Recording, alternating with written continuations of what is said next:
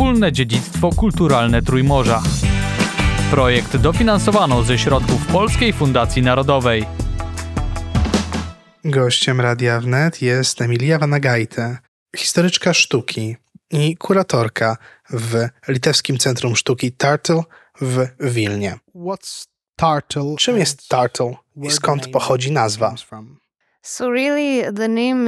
Tak naprawdę nazwa jest pierwszą kwestią, na którą zwracamy uwagę za każdym razem, gdy nowi ludzie przychodzą do naszego muzeum, naszej galerii. Tartle to stare szkockie słowo, które nie jest już używane i oznacza pewne uczucie. To uczucie jest nieco podobne w znaczeniu do francuskiego déjà vu, ale najlepiej wyjaśnić to przykładem. Idziesz ulicą, widzisz osobę, jej twarz wydaje się znajoma, znasz tę osobę, ale zapomniałeś skąd albo jak się nazywa, a uczucie lekkiego zażenowania, że zapomniałeś o czymś, co właściwie wiedziałeś, to właśnie uczucie tartyl.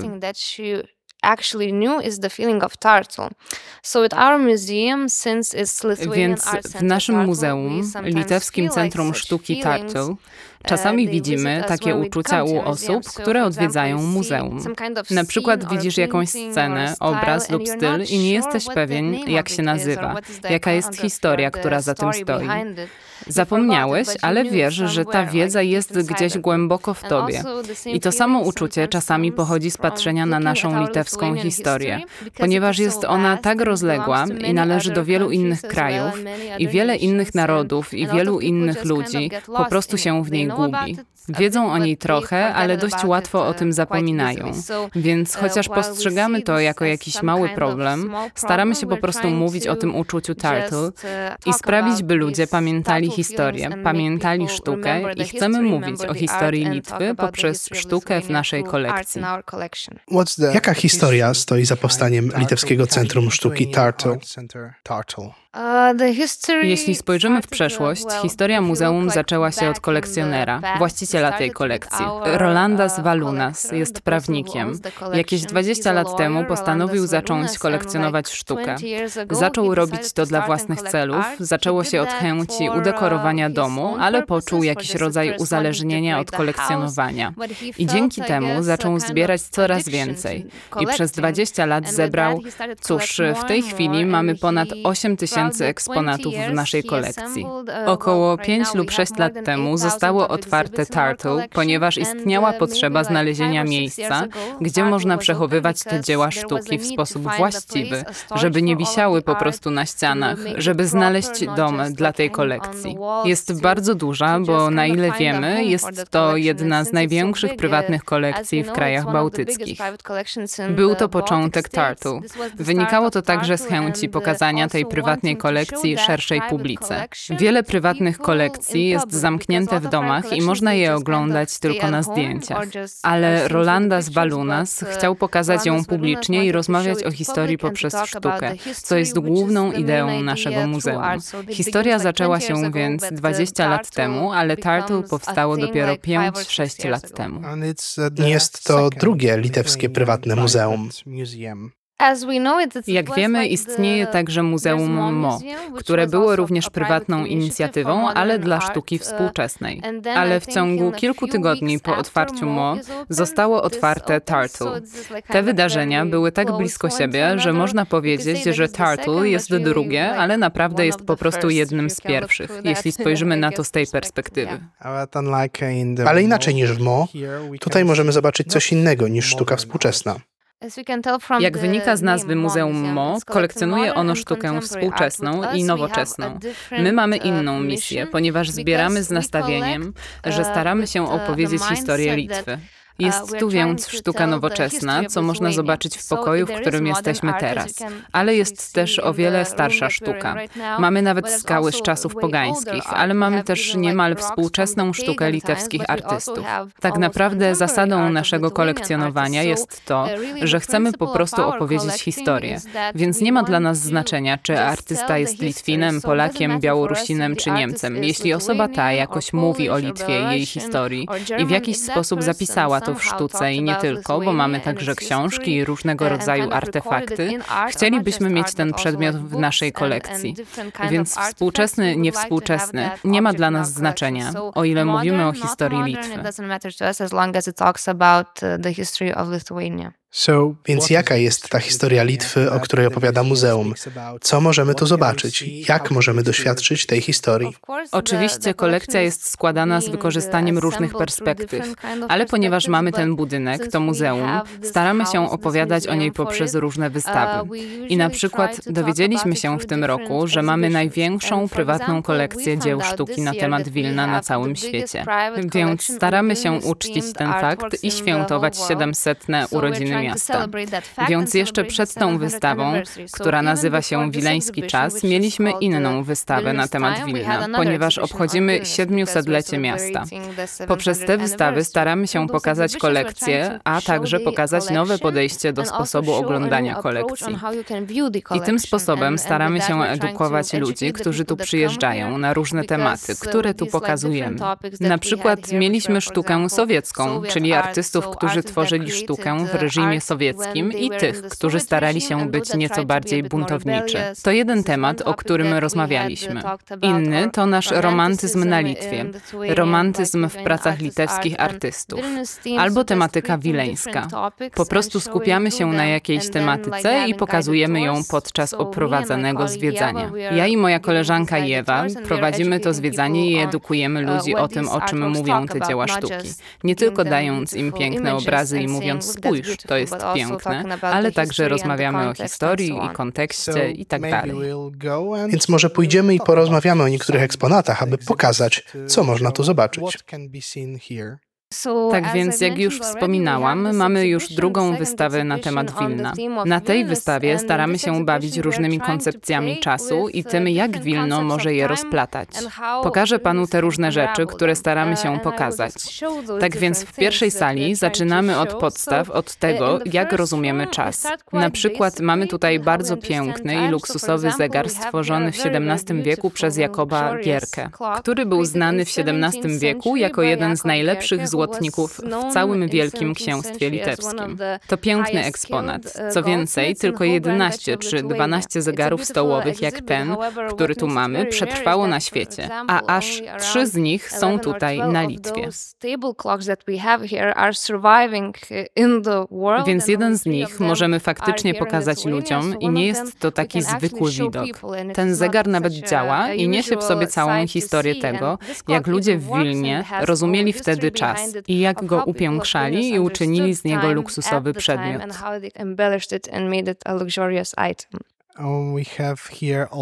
Mamy tu też polskie elementy. Widzę tutaj kalendarz benedyktyński na każdy dzień całego roku, życiem świętych pańskich, zakonu świętego Ojca i Patriarchy Wielkiego na Zachodzie, Benedykta, na chwałę Boga w Trójcy mm, Świętej Jedynego, na wysławienie licznego pułku tychże świętych ku zbudowaniu i naśladowaniu czytających zapisany e, na rok 1768. Mm, także kalendarz na rok 1881, czy kalendarz jezuicki większy na rok przestępny 1740. Naprawdę jest to chyba niemożliwe, żeby mówić o Wilnie z perspektywy innej niż dzisiejsza, czy połowy XX wieku, bez eksponatów w języku polskim. To temat, który, jak sądzę, jest znany nam, Litwinom, a także Polakom. Na tej wystawie jest więc sporo takich eksponatów, o których przyjeżdżający tu ludzie mówią. Ta piękna rzecz może pochodzić z Niemiec, Polski, Białorusi, czy oczywiście z Litwy. I mogą znaleźć elementy, które są im po prostu bardzo dobrze znane. I to właśnie sprawia, że historia tej konkretnie wystawy i historia Wilna w ogóle jest bliska sercu wielu ludzi. Wspomniała też Pani wcześniej, że wystawiacie też takie rzeczy. I nie ma znaczenia, czy jest to polski artysta, niemiecki czy litewski. A co o tym myślą Litwini? Co myślą o tej wielonarodowej historii własnego kraju? think about it? What do they think about this multinational history of their own country? Nie można po prostu zmienić historii. Czytamy o niej w książkach i taka jest. Myślę, że trzeba po prostu zadbać o to, jak się o niej opowiada. Ale szczególnie w przypadku Wilna uczyliśmy się o tym nawet w szkole. Zawsze było ono bardzo przyjazne dla wszystkich narodów. To po prostu piękna cecha miasta, które wciąż się rozwija, więc nie ma co do tego wątpliwości. Wilno zawsze było miastem dla wszystkich, więc nikt tak naprawdę nie ma złych myśli czy wątpliwości. To jest po prostu, jak sądzę, dane. Okay, let's move. Chodźmy dalej. Different Mamy więc różne sposoby liczenia czasu i staramy się go zamrozić. Robimy to poprzez materiały wideo i przez fotografie. Na przykład tutaj pokazujemy odwiedzającym pracę jednego z pierwszych Uh, fotografów wileńskich, Józefa Czechowicza. Interesujące jest to, że ponieważ pracował w połowie XIX wieku, w czasach 19th początków fotografii, wciąż miał czas, żeby uchwycić Wilno przed rusyfikacją. Możemy więc zobaczyć obiekty, które zostały zniszczone przez carski reżim. Dzięki temu możemy zobaczyć Wilno, którego dzisiaj już nie ma. I nie jest to wizja malarza czy artysty per se, ale jest to rzeczywista dokumentacja uh, Wilna, które zostało zburzone w wyniku ucisku. To również ważna część wystawy dokumentująca utracone Wilno.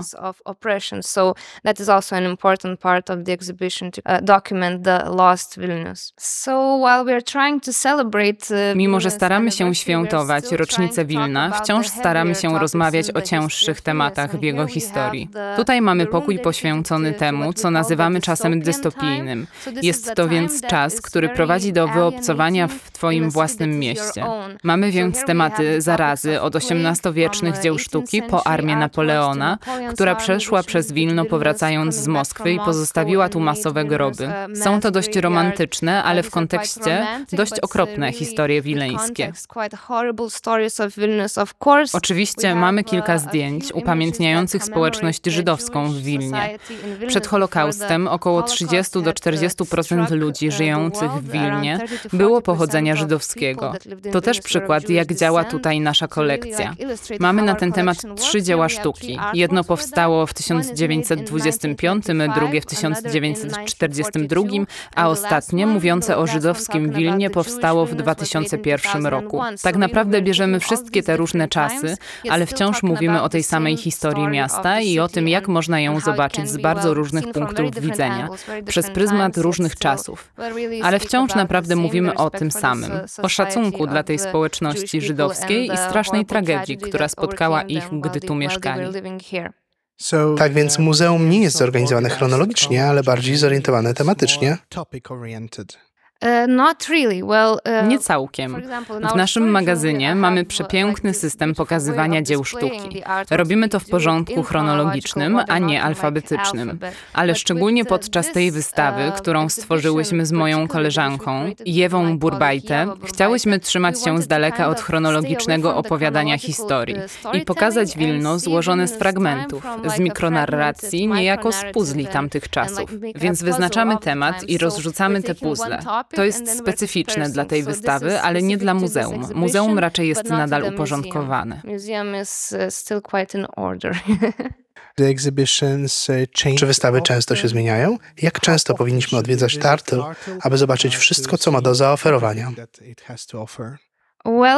Wystawy nie zmieniają się często, bo jesteśmy uh, raczej małym muzeum i małym zespołem ludzi tu pracujących. Zmieniamy je mniej więcej uh, raz w roku. Uh, collective of people working here, but we change around once a year. It takes us like a month to prepare. Przygotowanie to do zbudowania wszystkiego od początku zajmuje nam uh, miesiąc.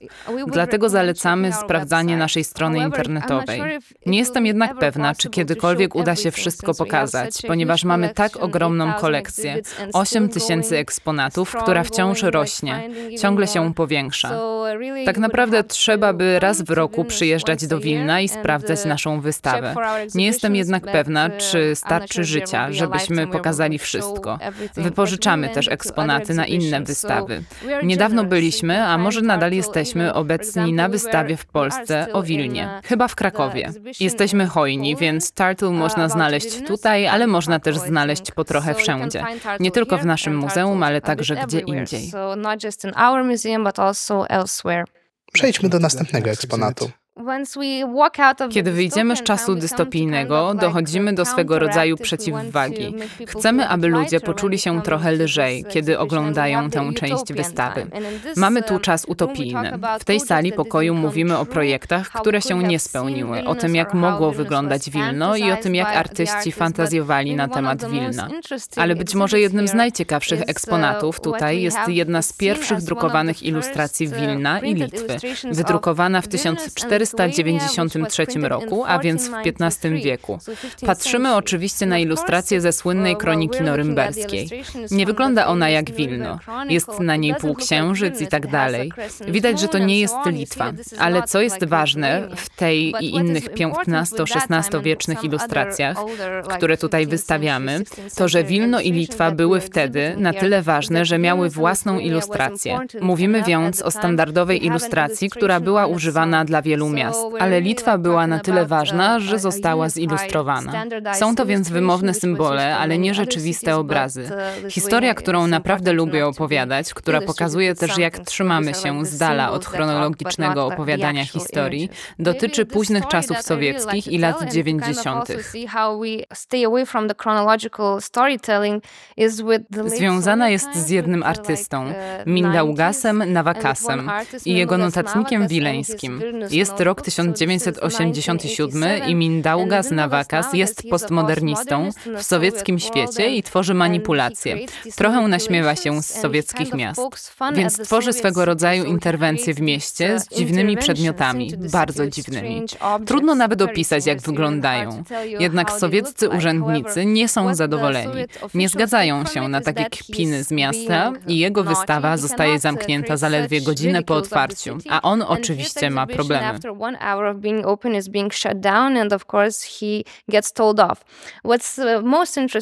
Najciekawsze w tych zeszytach wileńskich jest to, że kiedy Litwa odzyskuje niepodległość, jeden z tych projektów, hak, który chciał umieścić na dworcu kolejowym, ogromny hak wykonany z metalu, faktycznie zostaje umieszczony w mieście.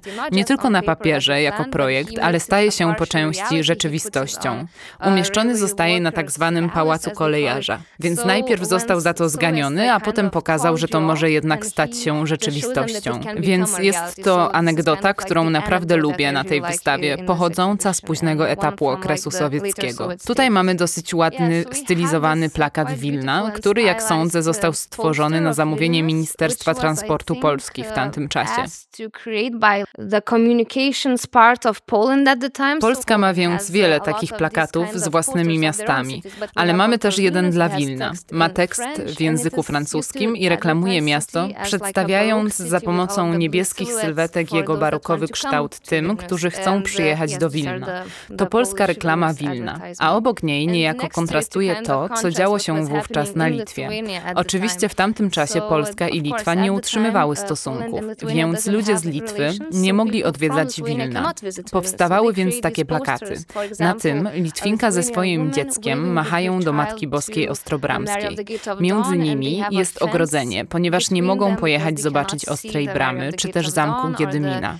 Więc to dwie strony tego samego medalu. Bycie w posiadaniu Wilna i niemożność jego zobaczenia w tym samym okresie historycznym. Oba plakaty mają jedną wspólną cechę kolory. Są w kolorach żółtym i niebieskim. Polski z wielkimi literami Wilno. Chemin de fer de l'État polonais, koleje żelazne państwa polskiego, czyli jest to prawdopodobnie reklama powiązana w jakiś sposób z koleją. To były zlecone prace. Ten artysta, Stefan Norblin, stworzył serię plakatów dla różnych miast Polski w tym stylu. Kończymy więc całą wystawę i zwiedzanie z przewodnikiem w największej sali w naszej galerii. Z moją koleżanką chciałyśmy naprawdę uczynić z niej wisienkę na torcie i po prostu dać ludziom coś do oglądania i podziwiania, a nie mówienia o tym. Cały pokój jest po prostu wypełniony obrazami, a każda ściana jest przeznaczona na jedną porę roku.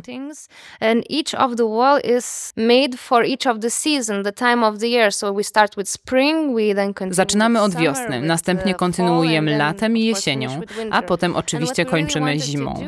To, co naprawdę chciałyśmy zrobić, to dać ludziom możliwość obejrzenia obrazów niczym w salonie i zobaczenia, jak różnie w czasie artyści malowali miasto, które widzieli. Znajdzie się tu bardzo nowoczesny, bardzo abstrakcyjny abstrakcyjny widok Wilna, a obok niego będzie klasyczna XVIII-wieczna panorama. Dzięki temu możemy zobaczyć, jak miasto jest muzą, jak miasto jest sposobem na ćwiczenie umiejętności malarskich albo na pochwalenie się swoimi umiejętnościami, czy na pokazanie swojej miłości do niego. To po prostu duży pokój wypełniony pięknymi, urokliwymi widokami miasta, które znamy i kochamy przez cały ten czas. A co jest za tymi drzwiami? Za tymi drzwiami mamy bardzo kontrolowane, klimatyzowane pomieszczenie magazynowe, do którego nie wpuszczamy zwiedzających, ponieważ panuje tam kontrolowany klimat.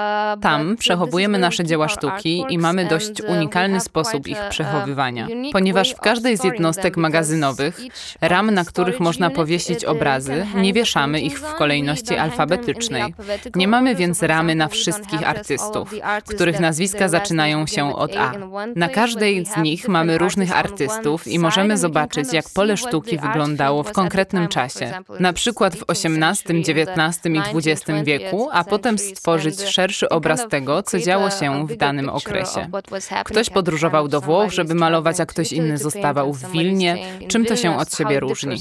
To historia sztuki dla ciebie w jednym miejscu. Co jeszcze jest ważne w naszej kolekcji, to to, że nie wszystkie muzea narodowe mogą kupować dzieła sztuki w domach aukcyjnych. Tak więc prywatne inicjatywy, takie jak nasza, ale nie tylko my, także inni prywatni kolekcjonerzy, mogą pozwolić sobie na zakup tych dzieł sztuki, żeby w pewnym sensie sprowadzić je z powrotem na Litwę z innych krajów. Jeśli jest miejsce, jak na przykład w Tartle, można je pokazywać publicznie, a nie tylko zachować dla siebie, czy trzymać gdzieś z dala od Litwinów, którzy nie mają możliwości ich zobaczenia, czy w niektórych przypadkach ich kupienia. Więc jest to piękna rzecz, którą można zrobić dla swojego kraju. Jak to jest pracować z taką kolekcją sztuki? Jak tworzycie wystawy? Czasami wygodnie jest mieć wszystko pod jednym dachem. Tak więc w przypadku tej wystawy ja i moja koleżanka stworzyłyśmy listę dzieł sztuki podzieloną tematycznie. Na przykład we wspomnianej już sali z porami roku stworzyłyśmy listę dzieł sztuki z tematami zimy, wiosny, lata i jesieni. Potem wyciągnęłyśmy te obrazy, położyłyśmy je jak puzzle na ziemi i po prostu zdecydowałyśmy na miejscu, czy ich potrzebujemy, czy nie. Ten proces selekcji w którym polegasz tylko na sobie i na swojej kolekcji, która znajduje się zaledwie kilka metrów od ciebie, jest ciekawy. Czasami to trochę ułatwia sprawę. Thank you very much. Thank you. Gościem Radia Wnet była Emilia Vanagaite, historyczka sztuki i kuratorka w Litewskim Centrum Sztuki Tartle w Wilnie. Wspólne dziedzictwo kulturalne Trójmorza. Projekt dofinansowano ze środków Polskiej Fundacji Narodowej.